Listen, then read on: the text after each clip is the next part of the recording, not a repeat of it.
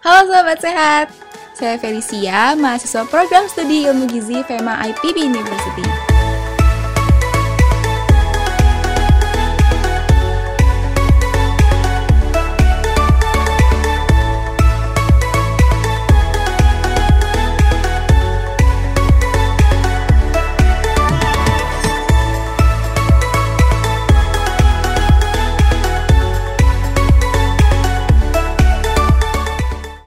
Selamat jumpa kembali ya di YouTube Lini Sehat, ngobrol tentang hidup sehat.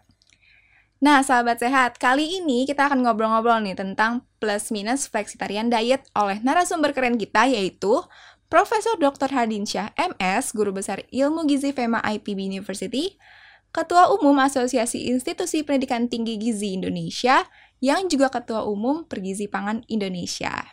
Nah, Prof, apa kabar hari ini, Prof? Kabar baik, gimana Feli? Sehat luar biasa pastinya Prof. Iya. Hari ini kan kita mau membahas sesuatu yang menarik ya pasti Iya. Prof. Nah sebelumnya kan kita bahas eh, vegan ya Prof, diet vegan, salah satu Hmm.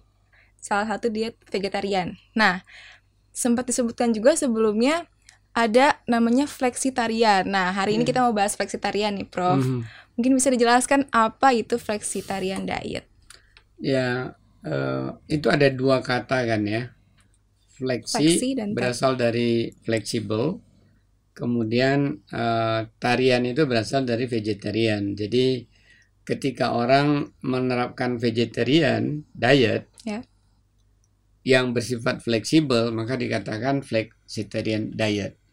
Ini sebenarnya dikembangkan oleh seorang dietitian di Amerika. Hmm, namanya Don Jackson uh, Barnett pada tahun 2009 uh, Barnett mengkaji bahwa kok banyak orang ya suka menerapkan vegetarian dan berhasil menurunkan berat badan.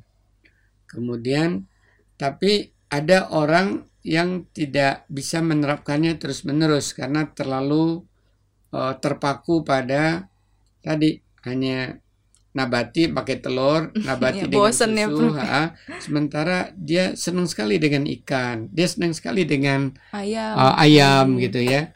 Ya. Nah, kemudian dia coba uh, lakukan kajian, mereformulasi, dan ternyata meskipun tadi digantikan telurnya misalnya digantikan dengan ikan atau susunya digantikan tadi dengan ikan atau telurnya digantikan dengan uh, daging ayam yang rendah lemak itu ternyata tetap bisa menurunkan berat badan gitu. Hmm. Dan kemudian banyak penelitian-penelitian setelah itu ya yang eh, membuktikan bahwa kombinasi vegetarian secara fleksibel tapi tidak berlebihan. Lagi-lagi kuncinya tidak berlebihan karena itu eh, dunia gizi selalu mempromosikan variety dan moderation ya. Hmm. Jadi eh, di dalam model eh, piramidnya juga kita bisa lihat sini ya bagaimana eh, piramida yang dikembangkan oleh Blatner ini eh, paling eh, banyak paling bawah kalau kita di gizi seimbang Indonesia kan paling banyak di bawah itu kan Makanan pokok. makanan pokok Iya. makanan pokok memang nabati ya Mm-mm. tapi kita lihat sini eh, sayur dan buah Sayur dan buahnya banyak, ya paling bersama banyak. dengan eh, makanan pokok itu justru dimasukkan pada tahap ketiga paling bawah paling banyak itu ya sayur dan buah nah yang bersifat nabati kacang-kacangan. Iya. kemudian baru porsi makanan pokoknya. Kenapa?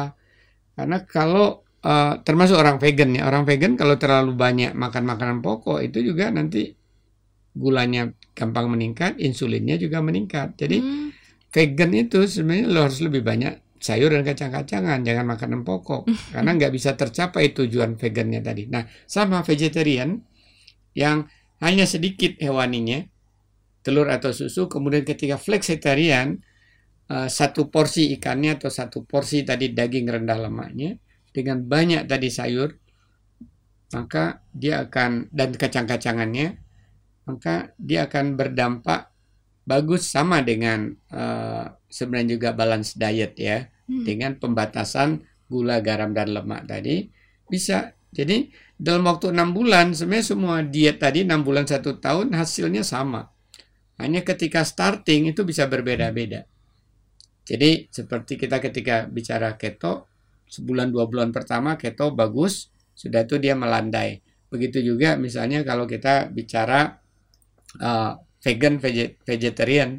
Iya. Nah, tapi kan orang makan tadi bukan hanya karena tujuan gizi, tapi gimana men- supaya happy ya, uh, Happy. happiness ya, happy ya, menyenangkan. Iya. Ya, gue nyenangin kalau vegetarian tuh ada ikannya, oke. Ya, Hmm. kata Bladner silakan. Gue mau vegetarian kalau ada potongan dada ayamnya, oh oke, silakan Boleh. selagi tidak berlebihan gitu kan. Hmm, sekali-sekali ya, Prof. Ya, sekali-sekali. Jadi pada prinsipnya ya vegetarian tapi uh, fleksibel. Kapan kita mau makan ikan, ayo. Kalau mau Hmm. makan daging ayam, ayo. Ya, jadi bahkan daging merah pun sekali seminggu masih di, diperkenankan di dalam flexitarian diet. Hmm. Hmm. Pantesan aja masuk ke salah satu yang dianjurkan ya, Ya, Prof ya. masuk dalam tiga paling dianjurkan Mm-mm. oleh pakar kesehatan Amerika ya dalam US News and World, World Report, Report 2021 Iya. ya. Oke, baik, Prof. Ah, tadi kan sudah dijelaskan apa itu flexitarian diet. Nah, Mhm. eh, sahabat sehat nih pasti pengen tahu banget nih apa sih plus dan minusnya Mhm. dari flexitarian diet.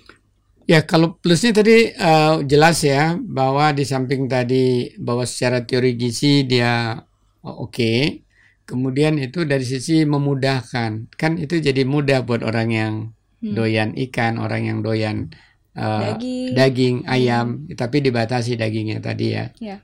Eh, frekuensinya tidak sering. Itu keunggulannya dan keunggulannya juga terbukti bahwa bisa turut menurunkan berat badan. Nah, kelemahannya ya pertama tentunya eh, kalau orang menganggap bahwa dengan diet ini pasti menurunkan berat badan enggak juga. Jadi tetap masalah jumlah frekuensi tetap diatur. Karena itu dalam banyak kajian ketika orang menerapkan satu diet dikombinasikan lagi tadi sama dengan keto, flexitarian kemudian dikombinasikan lagi dengan fasting atau puasa. Hmm. Tidak harus terus-menerus, bahkan yang intermittent fasting yang berjarak, berselang itu akan lebih efektif lagi terutama buat yang mengalami kelebihan lemak di tahap awal Hmm. Proses rencana penurunan berat badannya. Kalau nanti sudah mulai mengalami eh, turun lemak, silakan flexitarian diet ini akhirnya mengarah pada balance diet sesungguhnya. Karena eh, apa pun pangan hewaninya boleh, tapi frekuensinya please ya. Jangan jumlahnya juga ya jangan ka- berlebihan. kalau hari ini pakai telur, eh, sorenya pakai ikan, besoknya pakai minum susu, kemudian besok siangnya eh, pakai daging, Daging. ayam misalnya. Hanya memang eh, dianjurkan sekali oleh Bladner yang menemukan diet ini, please hati-hati ketika kita memperoleh pangan nabati. Hmm. Karena di pangan nabati zaman sekarang kan banyak residu pestisida. Iya, benar. Jadi harapan kita semua nabati itu bagus, tapi kalau diproduksi dengan cara nggak baik, diolah dengan cara nggak baik, ya ada residu di sana yang juga bisa terakumulasi jadi gangguan kesehatan, inflamasi, resiko gemuk, kemudian resiko keracunan, dan Bladner yang menemukannya juga menganjurkan perlunya aktivitas fisik 30 menit satu hari. Jadi jarang sekali diet yang menganjurkan aktivitas fisik. Nah ini mungkin karena memang Bladner ini dietitian di Amerika, Ya. jadi paham benar konsep uh, gizi seimbang itu kan di samping beragam ya, Iya. bahwa ada kombinasi nabati hewani, juga perlu ada Aktivitas, aktivitas fisik. fisik. Nah, itu juga untuk mengantisipasi jangan sampai kebablasan. Saking enaknya gitu ya, Mm-mm. boleh terus kebanyakan gitu. Iya, jadi ibaratnya cheating dari ini ya, cheating seorang vegetarian gitu Ya, ya. kalau cheatingnya sekali-sekali nggak kalau cheatingnya Cheatingnya terus-menerus. terus menerus ya baik. Oke. Jadi eh, kebolehannya lagi secara eksplisit ya di diet ini dianjurkan 30 menit aktivitas fisik paling tidak intensitas yang moderat gitu ya, yang sedang. Hmm, jadi di diet flexitarian ini ada anjuran aktivitas fisiknya juga ya, Prof Mm-mm. ya? Jadi sebenarnya di gizi seimbang juga ada ya. Iya. kan ada empat pilar gizi seimbang tuh. Iya. Ya, beragam. Ya, kemudian tadi Jaga berat badan. jaga berat badan, aktivitas, fisik Aktivitas sama jaga kebersihan kan, Hmm. keamanannya termasuk cuci tangan. Tapi uh, di sini dua tadi udah diakomodir beragam, kemudian aktivitas fisik. Oke, mungkin ada tambahan uh, minusnya nih, Prof. Ada gak? Ada tambahan lagi gak tuh, Prof?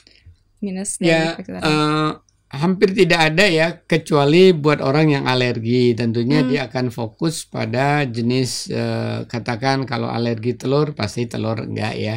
Ada ya. orang yang laktos intoleran atau alergi susu dan susu tidak. Artinya, uh, buat orang-orang yang memiliki satu kekhasan terhadap uh, respon antibodinya alergi misalnya, maka tentunya yang keberadaan nabati ini tidak tidak cocok. Tapi ini bukan kelemahan dari vegetarian, kelemahan dari diri orang yang akan makan ya. Iya. Tapi akhirnya orang tidak menggunakannya. Sama akhirnya kalau demikian ya mungkin larinya ke vegan gitu. Hmm. Iya makanya masuk ke tiga yang paling dianjurkan ya Prof karena yeah. minusnya paling sedikit nih. Yeah. Ya, oke, okay. hmm. oke okay, baik. Uh, tadi sudah dibahas juga tentang piramidanya ya nanti akan ditampilkan. Uh, lalu untuk menutup diskusi pada hari ini, Prof mungkin bisa diberikan kesimpulan dari diskusi kita hari ini supaya sahabat sehat di rumah bisa lebih mudah memahami. Ya, jadi uh, kita bicara hari ini uh, flexitarian diet ya yang uh, artinya sebenarnya adalah menerapkan vegetarian secara uh, fleksibel. Kita tahu ada banyak variasi dari uh, vegetarian ya ada yang dia boleh minum susu disebut lacto vegetarian makan telur dengan vegetarian ve, ve, vegannya disebut dengan uh, ovo vegetarian ada yang bisa uh, makan ikan dengan vegannya maka vegetarian. Ada yang bisa uh, mengkonsumsi ayam ya. Ya poultry disebut jadi poultarian ada yang bisa makan apalagi uh, seafood ya. Seafood itu dikatakan juga sebagai vegetarian ya sehingga ada variasinya. Daging juga dibolehkan tapi hanya sekali seminggu. Dan saking fleksibelnya maka di Amerika ini sempat uh, apa ya bagi masyarakat awam ini uh, dibanding dengan anjuran piramidanya makanan uh, Amerika ini jadi lebih mudah di diadopsi digunakan diterapkan oleh uh, orang-orang uh, dewasa di di Amerika. Dan karena ini dikembangkan oleh seorang dietitian dan ada bukti-bukti ilmiahnya, uh, sehingga uh, semakin uh, meyakinkan bahwa menerapkan uh, diet flexitarian atau flexitarian diet ini bisa turut menurunkan uh, berat badan. Tapi hati-hati ya lagi-lagi meskipun dia tadi bisa uh, fleksibel jadi kenyamanan dan ke uh, yamiannya itu ter, terjamin kita buat tapi tetap tidak boleh berlebih. Karena kembali kunci dari kita bisa menurunkan berat badan tadi kan defisit uh, energinya kemudian juga kita mengatur waktu makan yang benar bukan sering makan bukan makan sembarangan. Bahkan akan lebih powerful efeknya kalau dikombinasikan dengan intermittent fasting. Hmm, jadi walaupun fleksibel ya namanya, tapi tidak tidak boleh seenaknya gitu ya, hmm, ya, Prof. Plus ya? aktivitas fisik. Ya. ya, benar sekali, Prof. Oke, baik. Terima kasih, Prof, atas waktunya pada hari ini dan ilmunya yeah. sangat bermanfaat. Apalagi kita jadi tahu nih, salah satu uh, diet vegetarian selain vegan, ada juga flexitarian yang lebih fleksibel pastinya yeah. sesuai namanya ya, Prof. ya. Yeah. Oke sahabat sehat, ternyata banyak ya informasi-informasi baru yang bermanfaat nih yang kita peroleh pada obrolan sehat kali ini. Itulah tadi obrolan hidup sehat kita bersama Prof. Hardin mengenai plus minus flexitarian diet. Sayang banget nih bila informasi bermanfaat ini tidak kita share ke teman-teman, keluarga, serta kerabat kita. Nah, silakan juga sahabat sehat subscribe dan share video ini agar bermanfaat dan membahagiakan sahabat, keluarga, teman dekat, dan sahabat sehat lainnya. Jangan lupa klik tanda lonceng agar sahabat sehat menjadi orang pertama yang tahu berbagai video hidup sehat terbaru dari kami.